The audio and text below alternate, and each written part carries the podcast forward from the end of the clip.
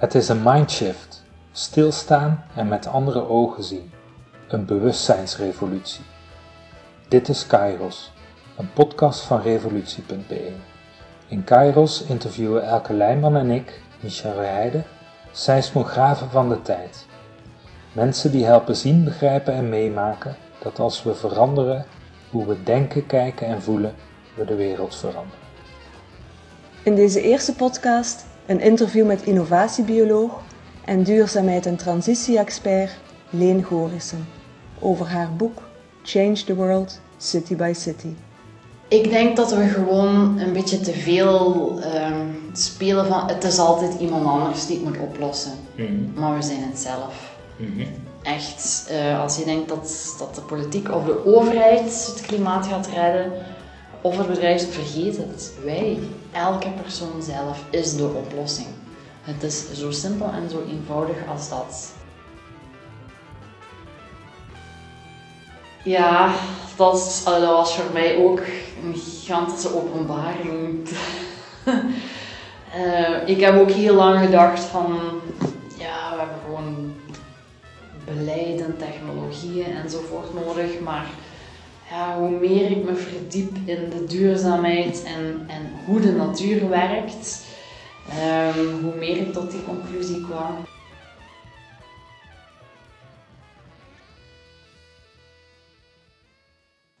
Aan het boek Change the World City by City ligt een onderzoek van 10 Europese instituten ten grondslag. Samen onderzochten zij hoe stedelijke verandering werkt, voor duurzame groei zorgt en hoe we de overgang naar een duurzame klimaatneutrale stad kunnen versnellen. Vanuit VITO, een onafhankelijk Vlaams onderzoeksinstituut op het gebied van technologie en duurzame ontwikkeling, was Leen als onderzoekscoördinator bij het onderzoek betrokken. Op basis van literatuurstudie vonden de onderzoekers vijf mechanismen die transities kunnen versnellen, om te zien of die in de praktijk ook effectief spelen en werken, gingen ze in vijf pioniersteden, Stockholm, Genk, Brighton, Budapest en Dresden, op zoek naar initiatieven die op de een of andere manier in denken, doen of organiseren bijdragen aan een transitie naar duurzaamheid. Dat leverde maar liefst zo'n 800 pagina's voor leken nauwelijks te doorgronden academische literatuur op. Ja, ik ben een wetenschapper en er, ligt, er liggen zoveel hele goede wetenschappelijke inzichten op de plank, maar in zo'n jargon dat niemand er iets aan alleen mee kan. En de mensen van de stad zelf, die zeiden mij ook van ja, maar wat hebben we daaraan? Ehm, wij kunnen al die academische dingen niet lezen, dat is Ja. ontoegankelijk voor ons. Dus ja, ik had al zoiets van ja, we moeten toch ook echt iets kunnen teruggeven aan die mensen. En eigenlijk is dit een co-investering van Vito en van mezelf. Vito heeft mij drie maanden betaald om eh, de grote onderzoekslijnen proberen te vertalen naar iets wat toegankelijker is voor een breed publiek. Omdat ik het project goed ken, omdat ik ook de noden zag bij de mensen van de steden. Ik dacht, ah wel, dit wil ik wel echt graag Ja. doen. Ik ben opnieuw naar alle data moeten gaan kijken, dus mijn drie maanden waren snel om. Ja, En dus heb ik ook drie maanden van mijn eigen werk onbetaald erin gestoken. Voor mij was dit boek, wat ik probeer of geprobeerd heb met dit boek, is te tonen dat het ook anders kan. Dus als onderzoeksinstituut kun je ook echt investeren. En als zelfs als, als persoon investeren om iets goed te doen voor de maatschappij. het grote idee, eh, als ik het dan heel kort samenvat, Ja. was het zoeken naar eh, hoe je transitie kan versnellen. Snelle, ja. ja.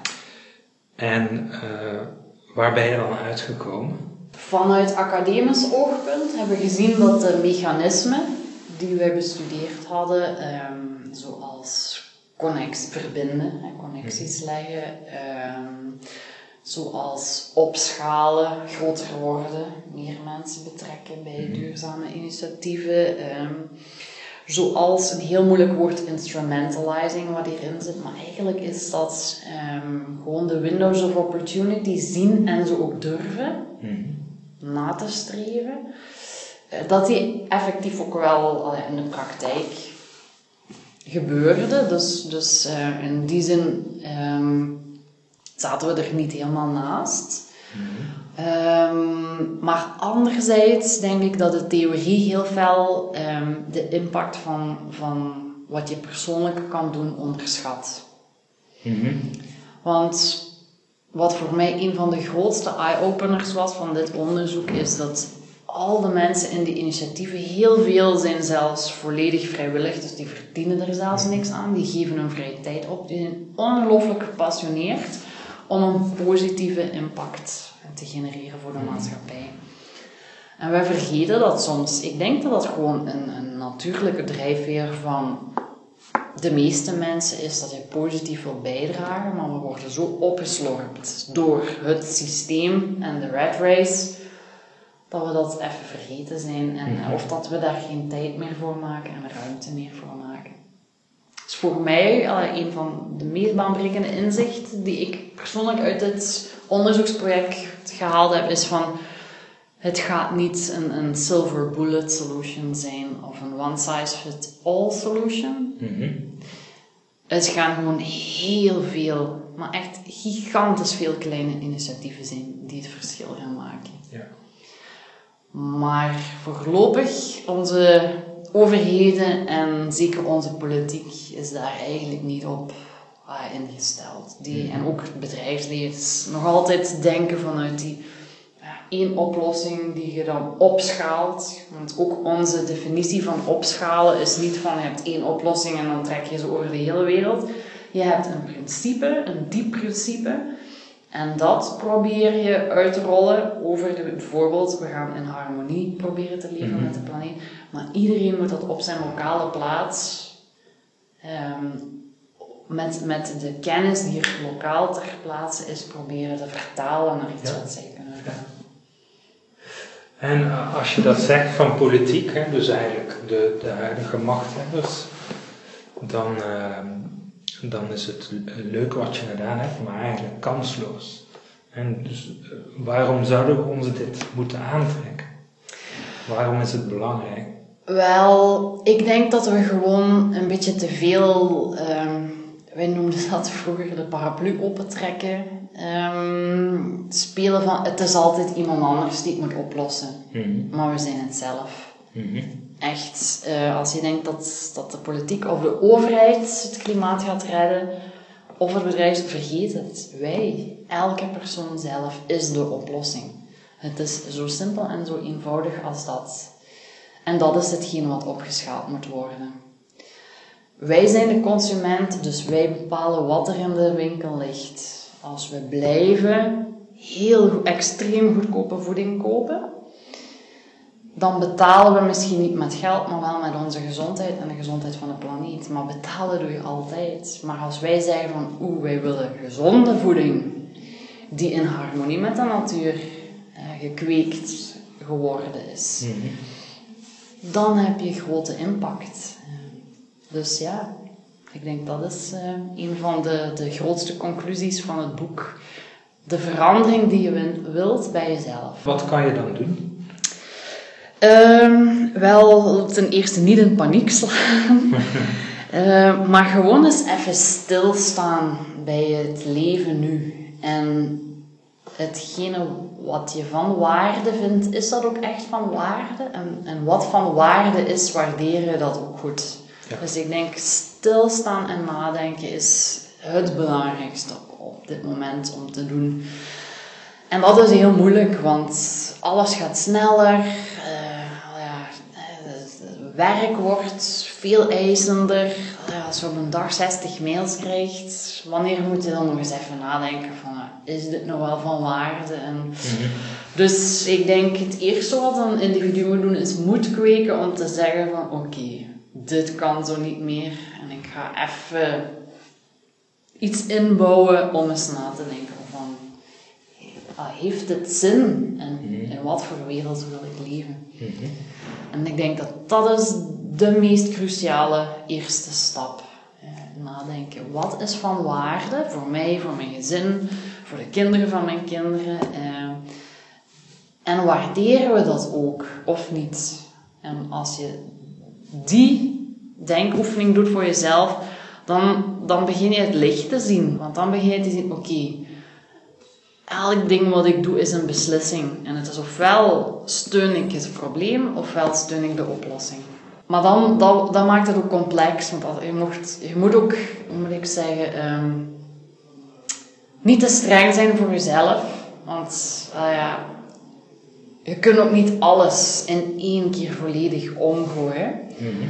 Maar wel kijken van oké, wat zijn de dingen waar ik me nu echt mijn schouders onder wil zetten en waarvan ik denk dat ik een impact kan maken. En dat is voor iedereen anders. Mhm. Dat is een van mijn grote frustraties van het heel duurzaamheidsdebat, is dat mensen weer denken in de one size fits all. We gaan allemaal niet meer vliegen. We gaan allemaal vegetariër worden. Zo werkt het niet. Ik denk personen moeten zelf vinden wat zij kunnen doen. Mhm. En daar gewoon vol passie en met een hart vol hoesting voor gaan. En voor de ene is dat geen vlees eten, voor de andere is dat alles met de fiets doen, voor nog iemand anders is dat een sociale beweging opstarten die migranten hebben. Dus iedereen heeft zo, maar ik denk de oplossing is alles, alle kleine initiatieven. Ja. En dat is denk ik een van de grootste knelpunten van, duurzaamheid zien, is dat mensen te veel zeggen, ja maar nee, nee, oh, ah ja, jij hebt het over duurzaamheid, maar je vliegt wel volgende week. Uh, ja, iedereen moet een beetje zoeken wat zijn ding is en daar volop op inzetten. En de rest komt dan wel vanzelf. Als we onze systemen willen doen evolueren, moeten we onszelf en onze rol in die systemen evolueren, stelt Leen. Ze schrijft dat we te hard focussen op de hardware, zoals nieuwe technologieën, economische incentives en wet en regelgeving, en te weinig op de culturele software, hoe we weten, leren, waarderen en handelen. De mindshift die we volgens haar moeten maken, is een shift van waarde ontlenen naar waarde toevoegen. Wel, wat ik geleerd heb van bijvoorbeeld de mensen van Genk, de compostmeesters. Maar een mooi verhaal is gewoon gepensioneerde mijnwerkers ehm, die veel vrije tijd hadden. Er was een plekje waar altijd, een plekje in de natuur waar altijd vulligheid lag. En die vonden dat zo zonde van, allee, dat, dit degenereert de waarde, kunnen we hier niet iets anders doen? Uh, zodanig dat die vuilnis hier niet meer gestort wordt. En zij, hebben, zijn, zij zijn naar de stad gegaan en zij hebben gezegd, kunnen we hier geen compostschooltje maken? Heel eenvoudig eh, principe van, we gaan kinderen leren composteren, we zetten gewoon een paar compostbakken en het probleem was opgelost. Dus een, eigenlijk wat regeneratieve waardecreatie doet, is het kijkt niet zozeer van, ze zijn wel vertrokken van hier is een probleem, maar als je heel erg denkt van hoe kunnen we dit probleem oplossen, je kunt er vuilnisbakken hangen, dat is heel rechtlijnig denken. Mhm. Of je kunt er iemand zetten die, of camera's hangen. Of je kunt denken, wat zouden we met deze plek kunnen doen? Wat is het potentieel van deze plek? Waardoor, als je in dat potentieel investeert, de, de oplossing vanzelf gaat komen. En dat is wat zij gedaan hebben. Ja. En dat is denk ik de kern wat heel veel mensen, en ook zelfs heel onbewust doen. Van, goh, um, we kunnen toch veel meer waarde bijdragen als persoon. Hoe doen we dat nu? Mhm. Dat was wat mij fascineerde. Ehm. dus ik ben dat ook dieper gaan onderzoeken. En ik ben nu ondertussen ook een cursus aan het volgen in Amerika. En die heet Regenerative Design and Development. En het is, het is een hele grote denkomslag van we gaan gewoon een probleem oplossen naar kijken van wat is het potentieel van deze plek en hoe kunnen we een proces ontwikkelen waardoor we blijven waarde toevoegen. Dus het is niet zozeer één oplossing en het probleem is opgelost, maar het is hoe kunnen we een proces ontwikkelen waardoor oplossingen blijven multipliceren. Ja. En dat is ook de kern van regeneratieve waardecreatie. We hebben heel vaak in het verleden problemen proberen op te lossen door vrij rationeel, lineair, reductionistisch te denken. En wat we deden was, we losten één probleem op, maar we creëerden vijf andere nieuwe problemen. Mhm. En uit dat patroon moeten we echt proberen los te geraken, maar dat vraagt een heel andere denkwijze. En ik denk echt dat we daar niet gaan geraken als we onze ja, paden in ons brein ook niet gaan kunnen verleggen. We have to rewire our brain. We moeten echt, uw brein is soms ook gewoon, kies de paden van, van, van minst energie. En dus ga je heel snel in bepaalde denkpistes, dat we zo snel terugvallen in de oude paden van denken. We moeten gaan denken over ons denken. En dan kunnen we, en oh ja, de octopussen en de, de, de squid, hoe zeg je dat weer in het Nederlands? Octopussen en de... Dat zijn toch een soort van octopussen? Ja, Inktvissen. inkt, ja, inktvissen en octopussen. ehm, die kunnen gewoon hun eigen brain, hun eigen DNA hacken.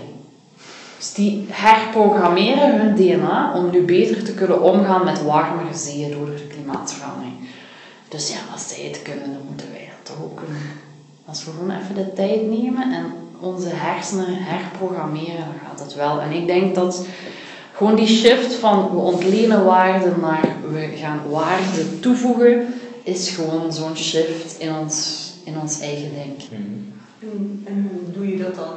Is dat gewoon door tien keer een mantra op te zeggen en dan ga je het andere keer Ik, ja, ik, ik, again, ik denk niet dat er one size fits all solution gaat zijn. Ik denk bij iedereen gaat dat anders zijn. Ik denk stap 1 is dat we bewust moeten worden waarom we denken zoals we denken. Ja. Op de UNIF hebben ze ons echt experten in reductionistisch denken gemaakt. En dat heeft ons heel veel positieve dingen opgeleverd, maar we gaan niet uit die situatie komen van een klein probleem oplossen, maar tien nieuwe problemen genereren door reductionistisch denken. Dus we moeten meer systeemdenkers gaan Mhm. worden. En als je kunt beginnen te denken over je denken, dan begin je denk ik ook meer patronen te zien. Ehm, er zijn bedrijven die ook proberen nu ehm, te denken van oké, in plaats van gewoon puur een product te maken, willen wij een product met positieve impact maken. Er is een tapijtenfabrikant die nu tapijten maakt met CO2 als bouwsteen. Dus nadat het tapijt geproduceerd is, is er minder CO2 in de atmosfeer dan ervoor. Als we meer en meer mensen beginnen te laten die shift maken van oké, het, het probleem is eigenlijk de oplossing, maar denk er gewoon anders over. Uh, dan hoop ik dat we er uh, Aha. gaan geraken. Uh, wat me opvalt in je antwoord is dat je heel veel denken gebruikt en denken over denken. Terwijl je uh, in het boek ook schrijft dat uh, de verandering start van binnen. Ja. En dat een grotendeels verwaarloosde, verwaarloosde dimensie van transities de socio-spirituele Ja. dimensie is. Ja. En die heeft volgens mij helemaal niks met denken te maken. Wel, um, dat hangt er vanaf hoe dat je dat bekijkt. Um, voor mij zit dat wel vast, maar ik, misschien redeneer ik nu heel erg vanuit het wetenschap of het brein vanuit de wetenschapper, waar denken centraal staat. Ja, ja, uiteraard. Ja, maar ja, hoe moet ik, hoe, hoe kan ik hier nou een goed antwoord op geven?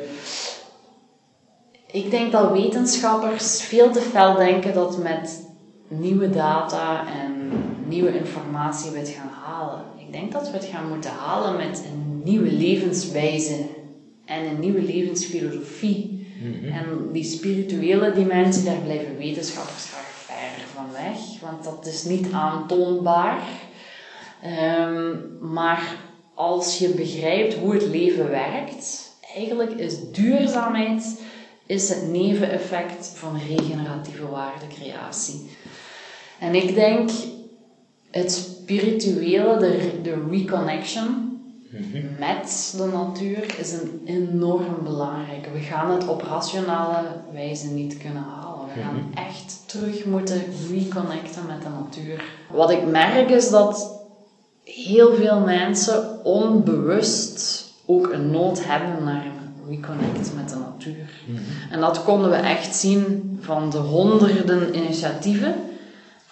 Er heel veel die op dit werkten. En heel vaak zelfs onbewust. Gewoon van, we hebben meer groen nodig in de stad. Ehm, we willen weten hoe ons voedsel gekweekt wordt. Ehm, Dus dat zijn allemaal, al ja, dat, dat was wel een inzicht van wow, soms hoef je zelfs niet heel bewust te zijn van wat, wat is nu precies wat we moeten doen. Soms doen mensen het gewoon omdat ze die nood voelen van...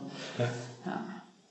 Pas als je merkt dat je zelf al een heel ecosysteem zijt en dat uw ecosysteem afhangt van de gezondheid van het ecosysteem waarin jij ingebed zijt, dan begint je pas te beseffen van oké, we moeten hoe we de dingen maken, de processen, de, hoe we ons organiseren, anders gaan doen, zodat het levensvriendelijk is en niet levensbedreigend, zoals heel veel van de dingen die we nu doen. Ik denk dat de wetenschap een heel grote rol speelt in dat inzicht geven van hoe hangen die, die levende systemen in elkaar en, en hoe werkt het. Um, daar speelt een heel grote rol. Maar ik denk ook dat het individu een heel grote rol speelt van oké, hoe wil ik dat mijn, de volgende generatie leeft en de kinderen van mijn kinderen en in wat voor een wereld wil ik dat die opgroeien. dus ik denk dat het een, moet ik zeggen, een gedeelde verantwoordelijkheid is en iedereen heeft er wel zijn rol in te spelen. Ja. Ja, dat, dat was voor mij ook een gigantische openbaring. uh, ik heb ook heel lang gedacht van ja, we hebben gewoon beleid en technologieën enzovoort nodig. Maar ja, hoe meer ik me verdiep in de duurzaamheid en, en hoe de natuur werkt, um, hoe meer ik tot die conclusie kwam. Um, de natuur is extreem hard. 99,9% van alle dingen die de natuur ooit ontworpen heeft, die zijn er niet meer. Mhm. En die 0,1% die er zijn, dat zijn degenen die zichzelf voortdurend kunnen ontwikkelen. Dus die zijn in continue evolutie om zich aan te passen aan de nieuwe werkelijkheid, maar in een manier die waarde toevoegt. Want als je geen waarde toevoegt, heeft, uh, dan, ja, ja, dan blijf je gewoon niet bestaan. Mhm. En ja, dat was voor mij een eye-opener van oké, ja, wij moeten wij zijn, wij zijn de toekomst. Mhm. Heel veel mensen denken dat de toekomst iets is wat hen overkomt. Maar je bent de toekomst. Je maakt ze hier en nu. En met jouw beslissingen bepaal je ook mee de toekomst van de andere generaties. Ehm, dus voor mij is dat inderdaad de hoofdconclusie van, van dit, dit onderzoek. Van als, als we tot dat besef kunnen komen dan gaat, het heel, dan gaat de omslag naar duurzaamheid heel snel gaan. En um, ik denk dat meer en meer mensen wakker worden stilaan, dat zie ik wel. Maar of het snel genoeg gaat zijn, dat gaat de, de clue zijn. Snel genoeg en zijn mensen bereid om die innerlijke transitie te doen, mm zodanig dat we de systemen kunnen veranderen en de processen van waardecreatie kunnen veranderen. Als we niet de manier van waardecreatie gaan veranderen, dan eindigen we bij de 99,9%. Dit was het interview met Leen Goorse over haar boek Change the World City by City. De muziek in deze podcast zijn fragmenten uit het nummer Humility van Kamashi Washington. Bedankt voor het luisteren en graag tot de volgende keer. Kairos is een podcast van Revolutie, gestart door Elke Leijman en mezelf, Micha Verheijden. Meer info vind je op onze website r-evolutie.be